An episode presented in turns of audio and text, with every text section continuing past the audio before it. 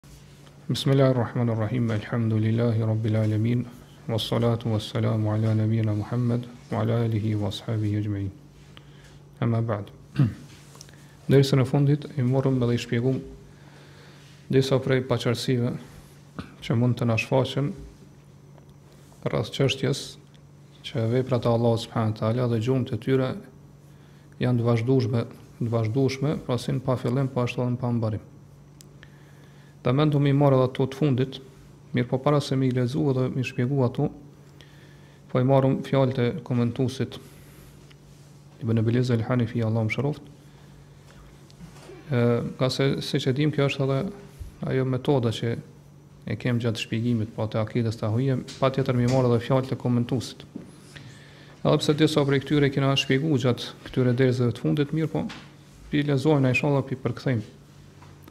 Edhe pra fillimisht ky thotë që prej fjalëve të autorit, pra po imam Tahaviut, mund të kuptohet që ai nuk e pranon vazhdimësinë e ngjarjeve në pafillim. Kurse në të ardhmen, pra këtë e pranon edhe thotë që pra është e, e pranueshme ose e saktë ngase kena me marrë inshallah ma vonë fjalën e tij ose fjalinë ku thotë që Xheneti dhe Xhehenemi janë të krijuara dhe kurrë nuk zhduken, po do të jenë të përhershme. Dhe gjithashtu thotë, nuk ka dyshim që ata të cilët e pengojnë vazhdimësinë e veprave qoftë në fillim, në pafillim dhe në pambarim, që mendimi i tyre ose drejtimi i tyre është i kotë, siç e ka pas mendimin Xhehm ibn Safvani dhe pasuesit e tij. të cilët kanë thënë që mas një kohë edhe xheneti dhe xhehenemi pra do të përfundojnë. Po kena me marr po inshallah në t'ardhmen argumente që tregojnë që ky mendim nuk është i saktë, po nuk është i vërtetë. Ndërsa ata të cilët thonë se është e lejushme me pas pra krijesa pra ngjarje në pafillim, atëherë thotë kjo është mendimi më i saktë ose më afër të vërtetës, dhe pra që nuk bojnë dallim prej vazhdimësisë së veprave qoftë në pafillim ose në pambarim, ngase Allah subhanahu ta'ala pra në pafillim ka qenë i gjallë, pra i, e, ka pas jetë, ka qenë i gjallë, dhe vepra është prej gjërave që i kërkon pashmangshëm jeta. Pra patjetër ai që është i gjallë, don me vepru. Dhe kështu pra Allah subhanahu ta'ala ka vepru atë që dëshiron me vullnetin e tij, Siç e ka përshkru veten e tij në Kur'an ku thotë Dhul Arshil Mexhid Fa'alun Lima Yurid, Allahu është Zoti i Arshit, i Madhështori dhe i cili vepron çfarë dëshiron. Andaj thotë ky ajet tregon për disa çështje. E para është që Allahu vepron me dëshirën dhe vullnetin e dytë, e tij. Dhe e dyta është që Allahu kështu ka qenë në pafillim. Nga se Allahu këtë ajet e ka sjellë në kontekstin e lavdatës, apo lavdërimit ndaj vetës. Për me tregu që kjo është prej përsosurisë së qenies edhe cilësive të Allahu s.w.t. Dhe nuk është e lejuar që në ndonjë prej kohëve, Allahut i ka mungu kjo përsosuri. Nga se Allahu s.w.t. gjithashtu ka thënë, e fe men jakhluku, ke men la jakhluku, e fe la tedhekkeruna. është i njëjtë ai që krijon me atë që nuk krijon. Thotë si nuk po mendojnë ata. Si nuk po mendoni ju. Dhe përderisa thotë kjo është e, prej cilësive që tregon për përsosurinë edhe prej atributeve që tregon për madhështinë e Allahut subhanahu taala, atëherë thotë nuk ka mundësi që kjo përsosuri po, i ka ndodhë Allahut pasi që nuk ka qenë. Po Allahu ka qenë i këtillë në pafillim. Çështja e tretë që përfituam prej këtij ajeti thotë që Allahu kur dësh, kur e dëshiron një gjë patjetër e vepron. Nga se këto e pamë që Allahu subhanahu wa taala sjell emrin lidhor që tregon përgjithësim. Fa'alun lima yurid. Pra që kjo lima, kjo pjesë e saj ma është pra emër lidhor. Pra Allahu vepron atë që dëshiron. Po çdo gjë që dëshiron me vepru, Allahu subhanahu wa taala vepron. Kuptohet thotë kjo është dëshira apo vullneti i Allahut që ka që ka të bëjë me veprat e tij. Ndërsa dëshira apo vullneti i Allahut që ka të bëjë me veprat e robit, atëherë thotë kjo është një çështje tjetër, për këtë kemi fol ose ka fol vetë autori më herët që ka bërë dallimin mes dëshirës fetare dhe dëshirës krijuese apo dëshirës universale të Allahut. Dhe prap inshallah do të flet rreth saj kur do të vijë pra vendi ku flet për kaderitë dhe xhebritë, të cilët thotë se kjo është ajo pika që ata nuk e kanë pasë të qartë, pra me bë me bë dallimin mes këtyre dy dëshirave, dhe për këtë arsye pra këto dy sekte kanë deviju në këtë çështje. Pra kaderitë në anën tjetër, xhebritë në ekstremin tjetër. E katërta thotë që përfitojmë në këtë ajet është se e, vepra dhe dëshira e Allahut janë dy gjëra që nuk ndahen prej njëra-tjetrës. Atë që e dëshiron Allahu me vepru, e vepron. Dhe atë që ka vepru Allahu, atë realisht e ka dëshiru atë, me vullnetin e tij. Për dallim prej krijesës, i cili kuptohet mundet me dëshiru me vepru diçka, mirëpo nuk ka mundësi me vepru, apo e vepron një gjë pa dëshirën e tij. Pra nuk ka feal veprus sipas dëshirës së tij përveç Allahut së Dhe e pesta thotë është se ky ajet pohon dëshira apo vullnetet shumë të Allahu subhanahu taala varësisht veprave që i ka vepruar Allahu subhanahu taala. Për çdo vepër që ka vepruar Allahu ka pas një dëshirë të veçantë. Edhe thotë kjo është një gjë e, e arsyeshme që e pranojnë pra natyrshmëria, natyrshmëria e pastër e njeriu. Pra Allahu subhanahu taala është se po ka dëshiruar vazhdimisht edhe ka vepruar çfarë dëshiron. Dhe e gjashta është se thot çdo gjë që është e saktë të ndërlidhet dëshira e Allahut subhanahu teala me të, pra çdo gjë që është e saktë dhe e pranueshme që të, të ndërlidhet dëshira e Allahut dhe vullneti i Allahut me atë gjë, lejohet, pra është e lejueshme dhe e pranueshme veprimi i saj. Siç është rasti kur Allahu dëshiron me zbrit në qiellin e kësaj bote. Çdo natë. E apo kur Allahu dëshiron me ardhë në ditën e Kiametit, pra që vjen me gjyku mes krijesave. E apo kur Allahu dëshiron me ju shfaq krijesave të Tij, pra në xhenet që ata me e pa, ashtu siç dëshiron Allahu. Edhe kur dëshiron me ju fol atyre, po ashtu me ju qesh. E kështu me radhë thot prej gjërave që i dëshiron Allahu subhanahu wa taala, pra nuk është diçka që është e pamundur e vepru Allahu subhanahu wa taala përderisa ka dëshiru. Ngase Allahu subhanahu wa taala pra qysh e pamë prej ajetit, fa'alun lima yurid, është veprus i asaj që dëshiron, ose çdo gjë që dëshiron. Mirëpo thotë këto gjëra pastaj kushtëzohet që me pas pra informata ose lajme të sakta, prej dikuj që ka qenë i vërtetë edhe që na ka njuftu për të, për to. Edhe përderisa na ka njuftu, pra fjala është për Pejgamberin salallahu alejhi ue selem, atëherë thotë e kemi obligim me e besu.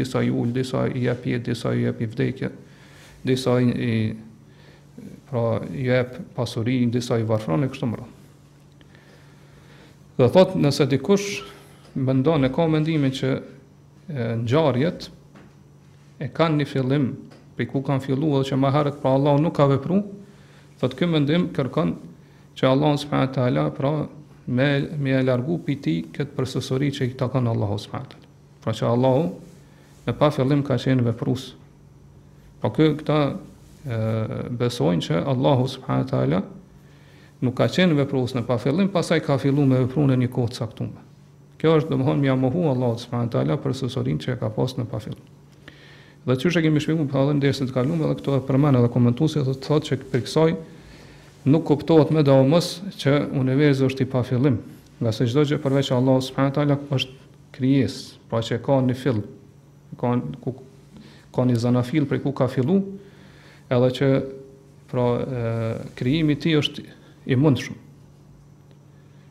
Dhe është kriju, pra ka ardh në ekzistencë me krijimin ose kur Allahu subhanahu teala i ka dhonë ekzistencë asaj gjëje.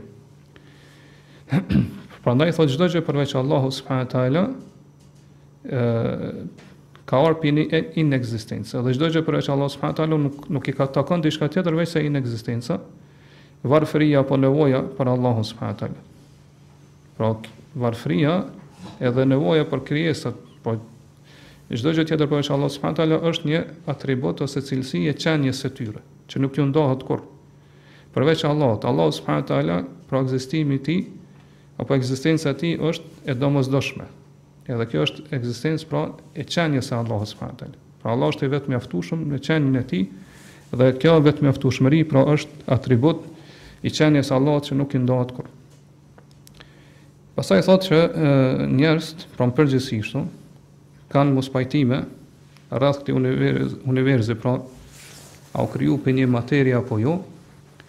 Edhe pse Sheikhul Islami ibn Taymija pra e përmend në Mejmu'ul Fatawa që pra pasuesit e feve, ithtarët e feve të gjithë kanë pajtueshmëri që Allahu subhanahu taala i ka kriju qiejt e tokën brenda 6 ditëve, 6 ditëve. Dhe i ka kriju prej një materie, e cila ka ka ekzistuar para qiejve e tokës e që ka qenë tymi. Po prej kësaj materie pastaj Allahu subhanahu taala ka kriju qiejt e tokën. Pastaj vazhdon i përmend pra ato çështjet ose paqartësitë që i kemi shpjeguar në dersin e kaluar, kështu që Domethënë ne po mjaftohemi me ato që e kemi shpjegu në dersin e kalum. Kemi mbet te paqartësia e gjashtë. Ku dikush thot që unë pe kam problem me perceptu që e, krijesat janë pra si, si lloj, që kemi shpjegu në dersin e kalum, janë të pafillim. Po është shumë e vështirë për, me, për mua me kap, ose me perceptu me mendjen time këtë gjë. Përgjigja ndaj kësaj është se në realitet Kjo tregon për mangësinë që e kemi ne si krijesa, po në në mendjen tonë dhe në perceptimet tona. Pra Allahu subhanahu wa taala njeriun edhe mendjen e tij e ka lënë të mangët. Dhe ne jemi si krijesa të kufizuar. Prandaj nuk mundum ne me hulumtu për një gjë që nuk ka kufi. Po përderisa ne jemi të kufizuar edhe këtu, domthon çështja ose kjo meselë që jemi duke fol rreth saj ka të bëjë me një çështje që është e pakufishme, pra sa i përket pafillimit, atëherë sigurisht që domthon kena kena vështirësi me kuptuar ose me perceptuar me mendjen tonë këtë çështje.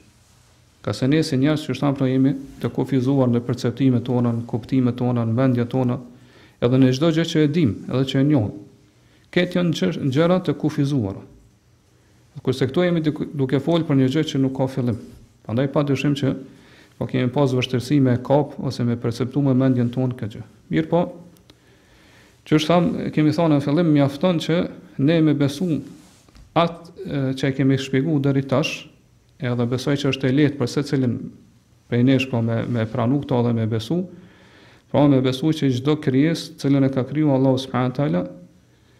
Para kësaj krijese ka ekzistu e ka kriju një krijesë tjetër e kështu me radhë pra deri në pafillim.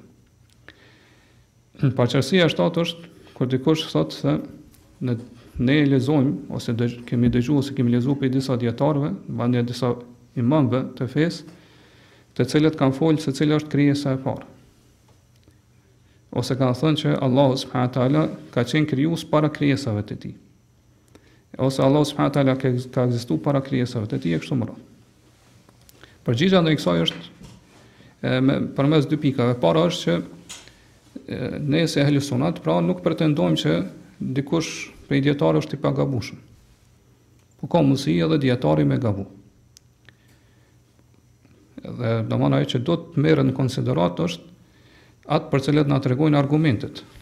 Por argumentet edhe bazat fetare tregojnë për atë që e kemi thënë deri tash. Edhe që pra e shpjeguam në fillim të dersit. Edhe ana e dytë e përgjigjes ndaj kësaj është se nëse është e mundur, fjalët e këtyre dijetarëve shpjegohen dhe interpretohen për krijesa të caktuara. Po për qëllim është cila ka qenë krijesa e parë e këtij universi. cilin ne e shohim, dhe për cilin na ka tregu Allah subhanahu taala në Kur'an. Dhe nuk ka dyshim pra që Allah subhanahu taala e ka kriju këtë univers pasi që nuk ka egzistu. Pra Allah subhanahu taala ka qenë e, në pafillim e asnjë prej krijesave nuk ka qenë me Allahun subhanahu taala Apo nuk ka qenë një krijesë e caktuar me Allahun subhanahu wa taala. Kjo është çka kemi shpjeguar deri tash, pra një krijesë e caktuar është e pamundur me qenë së bashku me Allahun subhanahu wa taala, në pafillim. Edhe kjo padyshim është e vërtetë. Pra nuk ka mundësi që një krijesë e caktuar me qenë në pafillim bashkë me Allahun subhanahu wa taala, ngase siç kemi thënë ai që e beson këtë gjë, ai realisht ka bërë kufër. Edhe paqartësia e fundit, e që e kemi na marrë, domethënë pjesën më të madhe të dersit, pra që është e teta dhe e fundit, është që disa kapen për fjalët e Shejhul Islamit Ibn Tejmije Allahu e mëshiroftë, që ka thënë se kjo çështje, pra me besu në pafillimin e gjurmëve të cilësive dhe veprave të Allahut subhanahu wa taala është pra kjo çështje është e lejuar ose e mundshme. Po kështu është shprehur Shejhul Islami në shumë libra të tij. Prandaj disa thonë që ë kjo mesele, pra kjo që kemi thënë deri tash vazhdimësia e veprave apo e gjurmëve, qenka vetëm e lejuar apo e mundshme. Nuk ka thënë Shejhul Islami që është obligative e domosdoshme me besu. Prandaj këtë kjo temë qenka e lehtë, po kjo tematikë për cilën po folim qenka e lehtë çështja e saj. Nëse beson që Allah subhanahu teala ka krijuar në pafillim,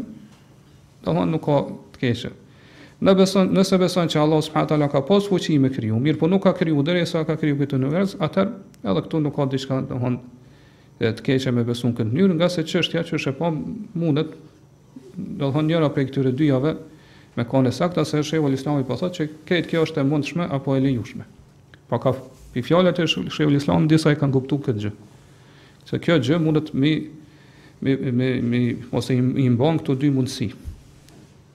Pra edhe e mban mundësinë që pra ka pas vazhdimësi të gjurmëve të veprave të Allahut në pafillim ose jo.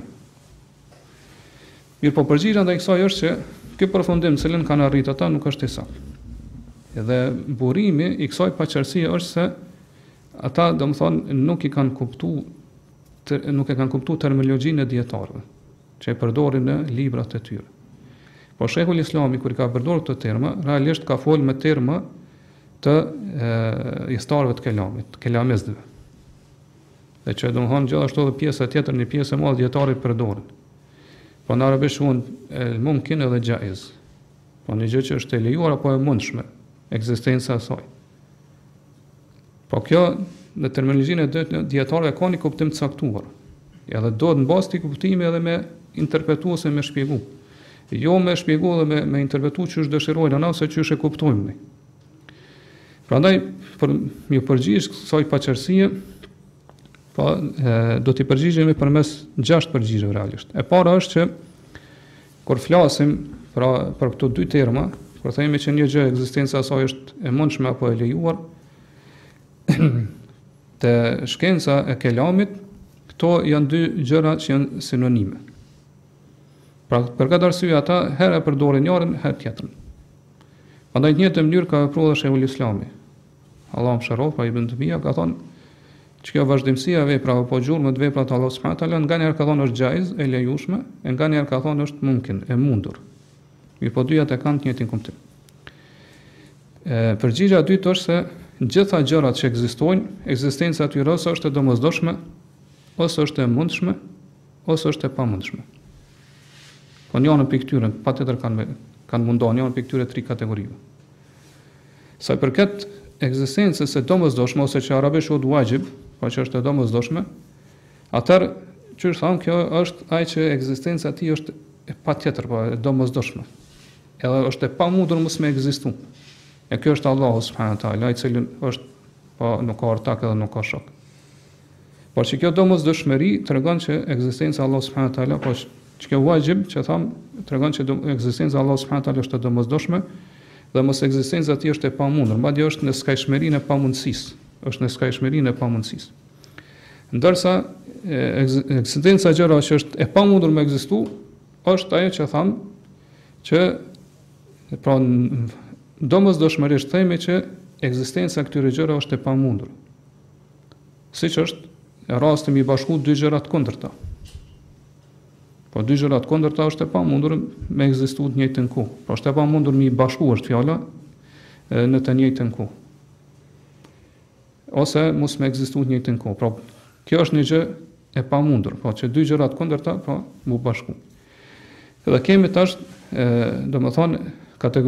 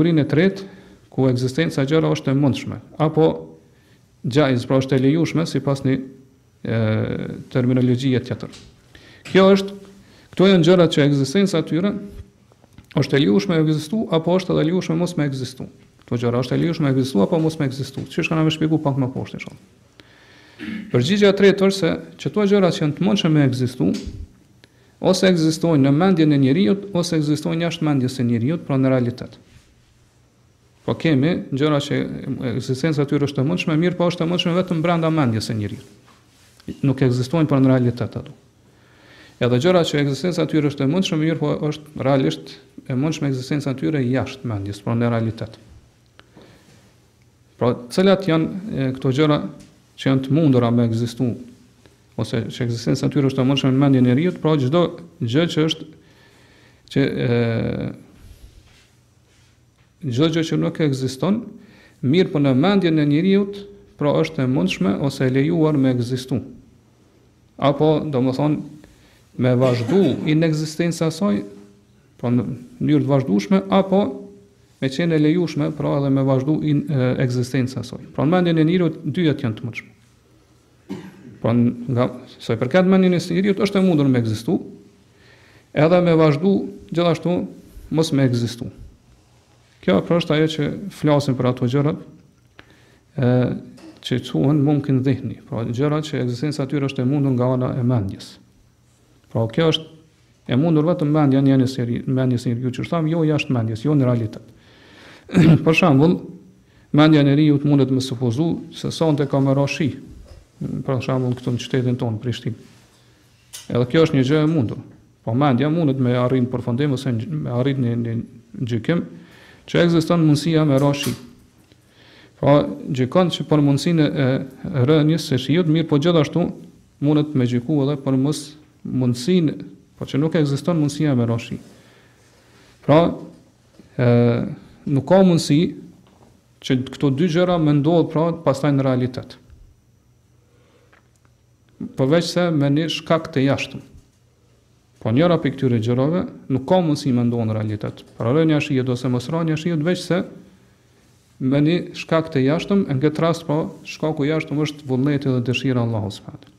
Pra ajo që dëshiron Allahu bëhet dhe ajo që nuk dëshiron Allahu nuk ka mundësi që të ekzistojë dhe të bëhet. Prandaj pra këtu kemi jemi duke fol pra për këto dy lloje të gjërave që ekzistenca e tyre është e mundur. Pra e para ishte që ekzistenca e tyre është e mundur vetëm brenda mendjes, po gjithashtu edhe lloji i dytë është që Ekzistenca e tyre është e lejuar apo e mundshme jashtë mendjes, pra në realitet. E cilat janë këto gjëra që ekzistenca e tyre është e mundur jashtë mendjes, pra në realitet, pra janë gjitha krijesat përveç Allahut s.w.t. Po çdo krijesë që e ka kriju Allahu, çdo gjë, ose gjitha krijesat përveç Allahut s.w.t. Po, qëllimi këtu është me shpjegu se çka do me thonë që një krijesë është e mundur me ekzistu pra jashtë mendjes ose në realitet, pra qëllimi është që ekzistenca e saj nuk i takon asaj, pra nuk, nuk ekziston vetvetiu ajo, nuk ka mundësi që ajo me, me i dhanë ekzistencë vetës, mirëpo ka ardh në ekzistencë prej dikuj tjetër. E këtu pra gjitha gjërat që ekzistojnë, gjitha krijesat, po kanë ardh në ekzistencë prej Allahut subhanahu teala. Po Allahu është që i ka kriju. Për këtë arsye pra dijetarët shprehen në këtë formë, e thonë që el mumkin pra gjëja që është e mundur me ekzistu në realitet është ajo që ekzistenca e saj vjen prej atij që ekzistenca e tij është e domosdoshme. Pra prej Allahut subhanahu teala. Po siç u tha më lart, vetëm ekzistenca e Allahut subhanahu teala është e domosdoshme, po që është ekzistenca e qenies së tij. Kurse, domthonë, gjëra të tjera, ekzistenca e tyre vjen prej Allahut subhanahu teala, nuk mundun ato me ekzistuar vetvetiu. Pra patjetër që Allahu subhanahu teala i ka kriju ato. Prandaj këto gjëra që Allahu ka dëshiruar me i sjell në ekzistencë, gjithashtu Allahu subhanahu teala kur dëshiron Me dëshirën e tij i bën ato në ekzistencë në jetë e kur dëshiron pastaj domethon i shun ose i zhduk edhe i bën me vdekë e kështu me radhë. Pra kjo është ajo që për cilën po flasim, po që është një gjë që ekzistenca e saj është e mundur në realitet. Po siç e thamë, kjo është çdo gjë që ekziston përveç Allahu subhanahu taala ngase ekzistenca e saj nuk i takon vetes qenies së saj. Pra nuk nuk ka ekzistuar ajo vetvetiu, mirëpo, patjetër që ka një veprues ose një krijues që i ka sjellë ato në ekzistencë e që është Allahu subhanahu wa taala, pra që me dëshirën e tij ka ka dëshiruar me me ekzistu. Përgjigja katër është se pra çdo gjë siç e thamë deri tash, e kemi thënë dersin e kalum, përveç Allahu subhanahu wa taala prej gjërave që ekzistojnë, pra janë krijesa. Janë gjëra që e kanë pas në fillim ose që sipas terminologjisë së kelamistëve quhet muhdath. Po muhdath është që ka ardhur në ekzistencë pasi nuk ka ekzistuar, pra ka pas një fillim. Çdo gjë përveç Allahut subhanahu wa taala është i tillë, edhe patjetër që ai që ka një fillim e ka edhe një fund. Edhe e pe, përgjigja e pestë është se Që domethon krijimi edhe mundësia që e shpjeguam deri tash, po mundësia e ekzistimit janë dy gjëra të pandashme. Ose mundum me, me përdorë edhe shprehjen tjetër që lejesa për me ekzistuar një gjë edhe krijimi i saj pra janë dy gjëra të pandashme në kuptimin që çdo krijesë pra ekzistenca e saj është e mundshme apo çdo gjë që ekzistenca e saj është e mundshme realisht është krijesë.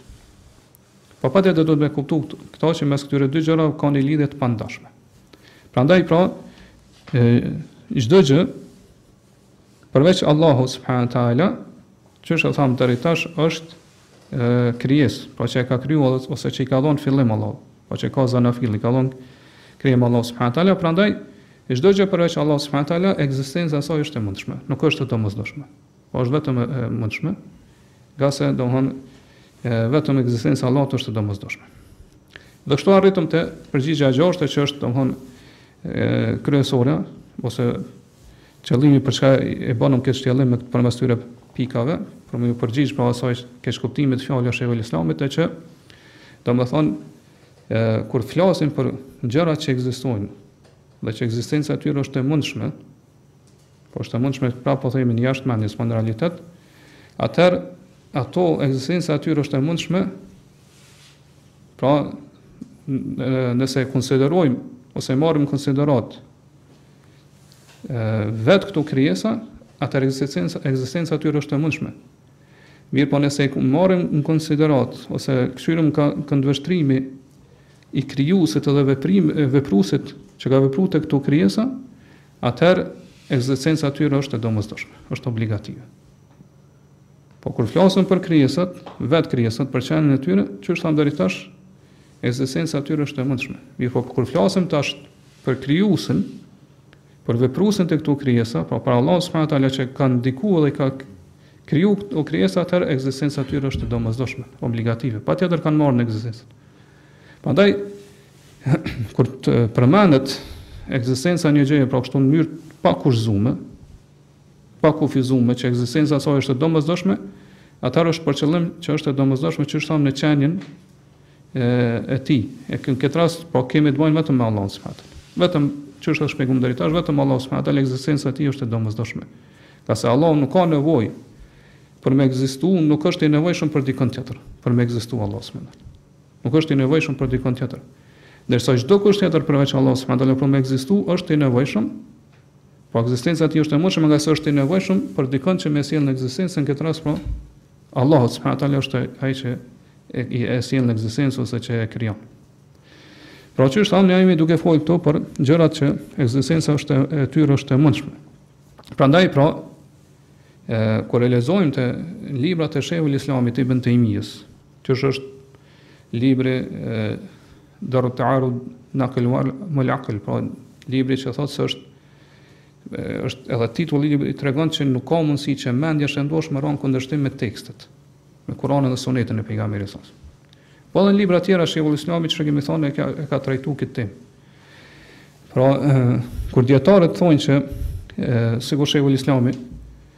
Që ato gjëra që ekzistenca e tyre është e mundshme, atëherë këto domthon për qëllim e kanë domthon duke hedhur vështrimin ose nga këndvështrimi i qenies së këtyre krijesave.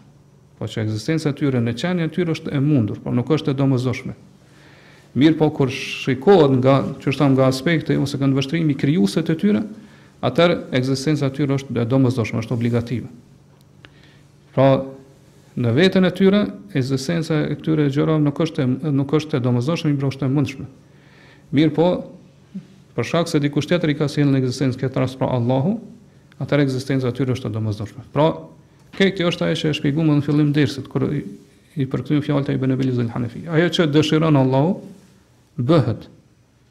Po, ajo që dëshiron Allahu vjen në ekzistencë.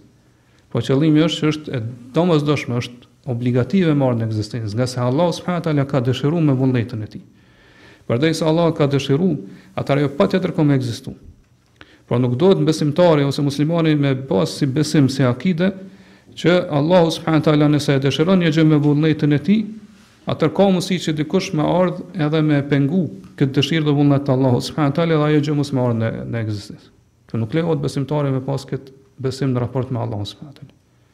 Pra çdo gjë që e dëshiron Allah, dëshiron Allah me vullnetin e tij, patjetër, pra është obligative e domosdoshme që ajo me ardhë në ekzistencë. Në këtë rast, përderisa Allah ka dëshiruar atë, ekzistenca e saj pra është obligative ose është është e domosdoshme për shkak se dikush tjetër e ka dëshiruar po në këtë rast Allahu subhana wa taala jo për shkak që ajo domthon ekzistenca e saj është e domosdoshme në veten e saj në qenien e saj prandaj me u bazu në këto që thamë atëherë në këtë mënyrë duhet me i kuptu edhe fjalët e Sheikhul Islamit ibn Taymijes Allahu mëshiroft kur flet për vazhdimësinë e veprave apo gjurmëve të veprave të Allahut kur tha që është e mundur ose e lejuar Po këto Sheikhul Islami, po qëllimi është kur kur i përmend këtu, është duke fol për krijesat.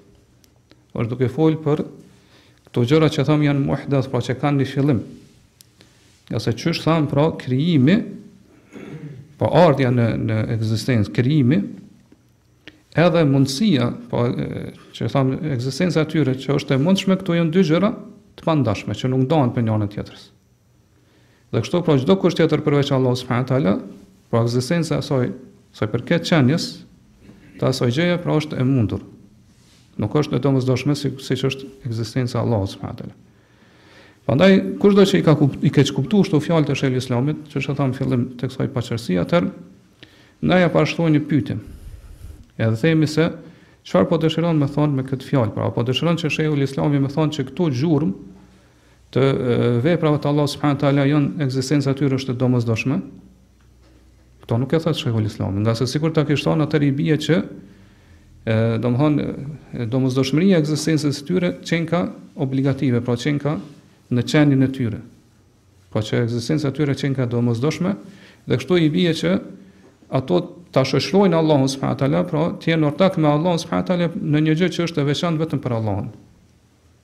E që është pra pa fillim, që Allahu vetëm Allahu është, ose kuptimi është që vetëm Allahu pra ekzistenca e tij është e domosdoshme.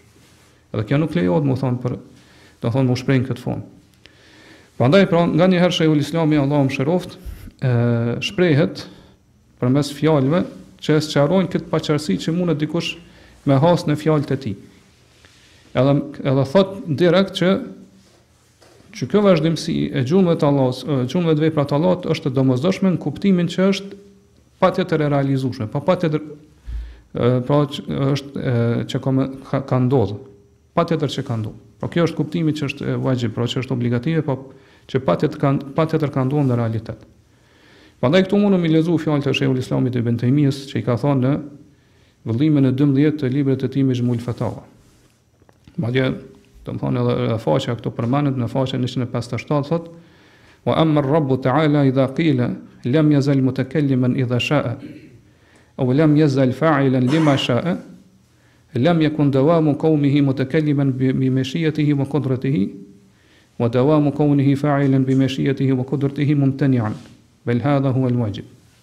Sa i përket Zotit, thotë, qoftë i lartësuar, kur thuhet që, pra Zoti Allahu subhanahu wa taala, ka folë në pa fillim kur ka dëshiru me vullnetin e tij, ose ka vepru në pa fillim çfarë ka dëshiru me vullnetin e tij, atëherë thotë, e fakti që të folërit e Allahut subhanahu wa taala me dëshirën edhe forcën e tij, fuqinë e tij ka qenë i pa fillim, po ashtu edhe domethënë edhe e, fakti që Allahu ka vepru Në pa fillim me dëshirën e vullnetin e tij, thotë, kjo nuk është një gjë e pamundur, ose do të thotë e pamundur me ndodh, madje thotë është obligative.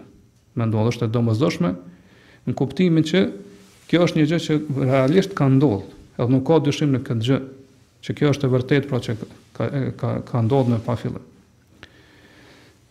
Prandaj kur të hedhim shikimin te veprat e Allahut subhanahu wa taala, Pra nga aspekti që këto vepra pra ndodhin ose qëndrojnë në qenien e Allahut subhanahu teala, atëherë do të thonë këto vepra ekzistenca e tyre është e domosdoshme në vetë në këto vepra, po në në në qenien e tyre ose në në veten e tyre. Mirëpo nëse shikon te gjurmët që vijnë prej këtyre veprave, po që është kuptimi te krijesat, të cilat pra Allahu subhanahu wa taala i ka krijuar, atëherë themi që ekzistenca e tyre është e domosdoshme për shkak të dikujt tjetër, po këtë rast për shkak të Allahut subhanahu wa taala. Po ekzistencën e krijesave themi që ekzistenca e tyre është e domosdoshme për shkak të dikujt tjetër, po për shkak të Allahut subhanahu wa taala. Dhe në këtë mënyrë thot, kështu thot edhe Sheikhul Islam ibn Taymija. Edhe këtu kemi një fjalë e shumë të rëndësishme që e thot Sheikhul Islami kur i kundërpërgjigjet këtyre, pra kelamistëve, Po që e përmend në faqen pastaj 232 thot wa in lazima fa innama huwa tasalsul tasalsulun fil athar. Thot edhe nëse është e po patjetër po nëse kjo është e ndërlidhur me fjalë që i ka thonë më herët, po është ndërlidhur me këtë temë për cilën po flasim. Pra nëse është patjetër të themi që kemi është vetëm vazhdimësi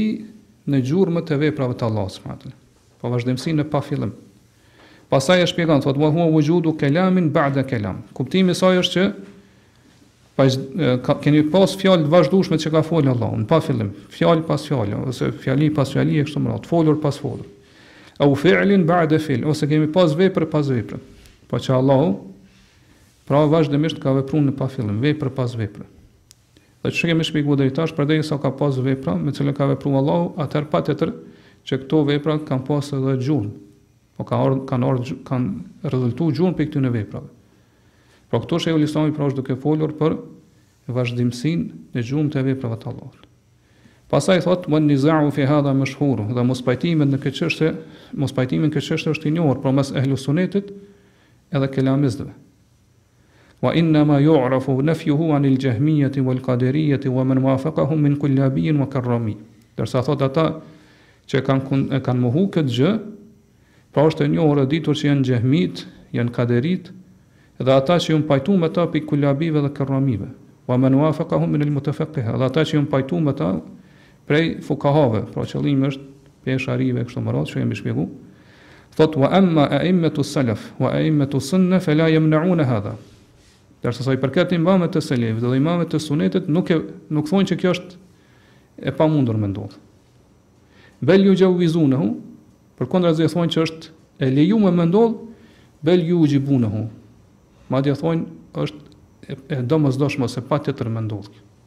Po patjetër më ndodh siç e thamë nëse shikojmë në gjurmë.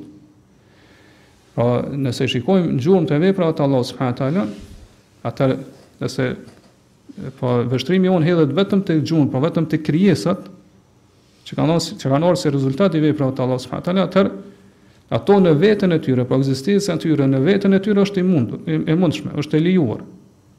Çfarë po thotë Sheikhul Islami bel juxhevizune, thonë se kjo është e mundur e lejuar.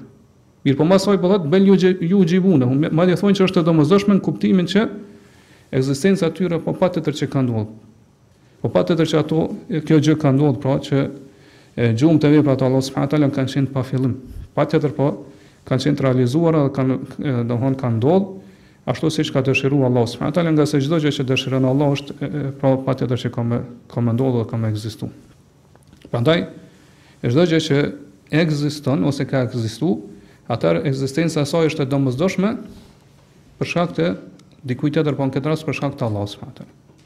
Jo që është e domosdoshme në qenien e saj. Po këto duhet me bë dallim mes këtyre dyjave.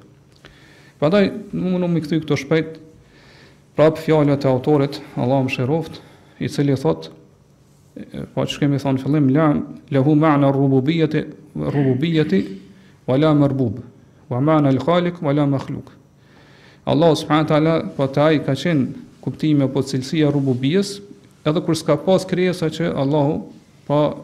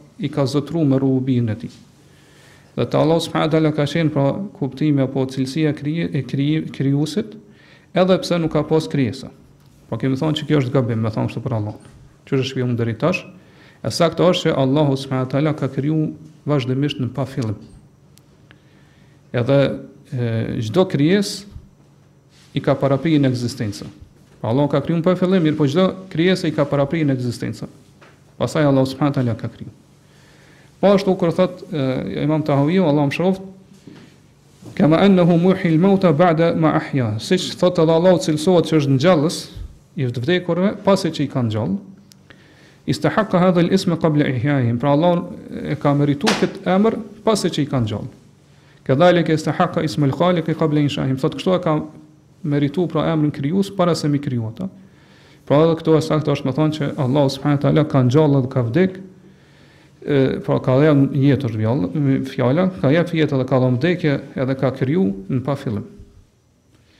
Prandaj, pra, prapë mundu me thonë këtu, si përmbledhje, si konkluzion i krejt kësaj që e thamë, pra siç e kemi thonë në fillim të kësaj teme, kur kemi fillu me shpjegu, aja që na intereson është, nëse ke kuptu këto detaje, elhamdulillah, nëse jo atër mjafton me e marrë vetëm përfundimin, vetëm konkluzionin, e kësaj, kësaj çështje. Edhe përmbledhja ose konkluzioni i saj është po që duhet ne si ehlu sunet me besu është që edhe domthon kjo kjo çështje pra kërkon pi neve ose si çështje kërkon që me madhru Allahun subhanahu teala. Edhe me pohu përsosurinë absolute për Allahun subhanahu teala.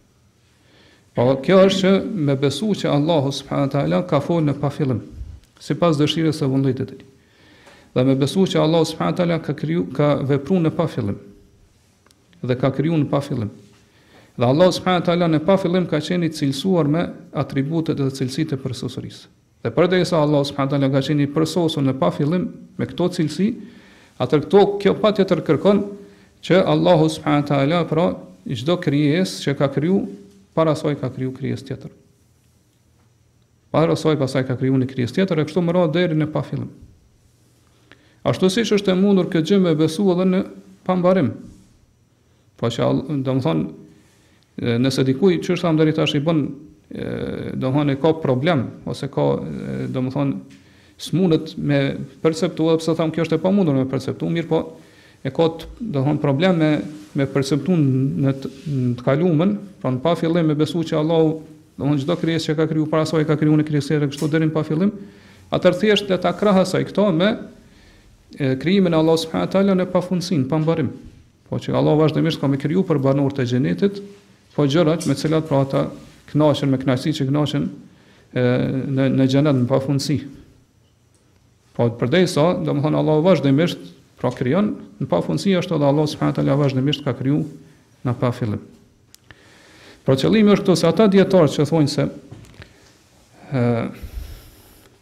Kjo çështje është vetëm brenda kontekstit që është e lejuar ose e mundshme me ndodh, atëherë edhe na po e besojmë, edhe nëse e beson kështu ose e beson ashtu, një një në pikturë mundësive, po krejt është në rregull, s'është problem.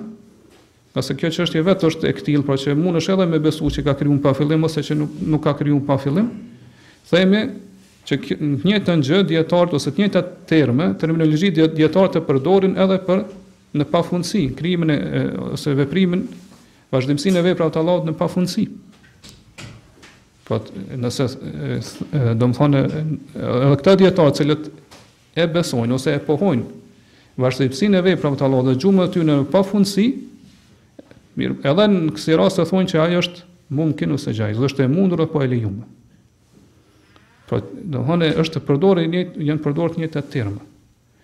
Prandaj prej kësaj kuptohet që a mund prej kësaj me kuptu që domethënë xheneti dhe kënaqësitë në xhenet mas një kohë do ndërpriten, nëse kjo është e mundur ose e lejuar me ndodh, apo që xhehenemi me gjitha ato ndëshkimet dhe dënimet që janë aty mas një kohë do ndërpriten, a mund a mund nxirret ky përfundim pasi që dijetarët kanë thonë që vazhdimësia e veprave të Allahut në pafundësi është e mundur ose e lejuar. Po nuk mund nuk arrijna në këtë përfundim. Përkundrazi, qysh thamë, domethonë kjo është e domosdoshme ose obligative, sa i përket, domethonë pafundësisë, pra po që Allah vazhdimisht, pra, ka me majtë në ekzistencë, pra, po xhenetin edhe gjitha të mirat në xhenet, kënaqësitë dhe banorët e xhenetit edhe xhehenemin, qysh na e marrim shumë normale. Domethonë, mirëpo po e njëjta, pra ka qenë edhe në pafillim. Pra, edhe pse dijetarët e kanë përdor të njëjtin Të njëjtat terma, pra të njëjtat shprehje, atëherë kuptojna pra qysh e kuptojna në në pafundësi e kuptojna edhe në pafillim. Po të njëjtën gjë ose të njëjtat terma janë përdor, kështu që nuk ka inshallah paqartësi ose me thonë që ë domthon kjo kështu kuptohet prej fjalëve shejhul Islamit edhe ne jem e kem të lejuar me besu ose me mos me besu këtë gjë. Përkundrazi, pra qysh thamë ë imamët e sunetit edhe imamët e selefit kanë thonë që kjo është Patjetër duhet me besu ose është e domosdoshme me besu që ka ndodhur në në pafillim, pasi që Allahu vazhdimisht ka vepruar në pafillim edhe gjurmët e këtyre veprave ka ndodhur në pafillim, pra në vazhdimësi. Dhe këtu përfundon kjo çështje. Inshallah do thonë me këtë me këto sqarime që kemi bërë, edhe pse rreth kësaj çështje ka hala, do thonë detaje sqarime të tjera, po besoj që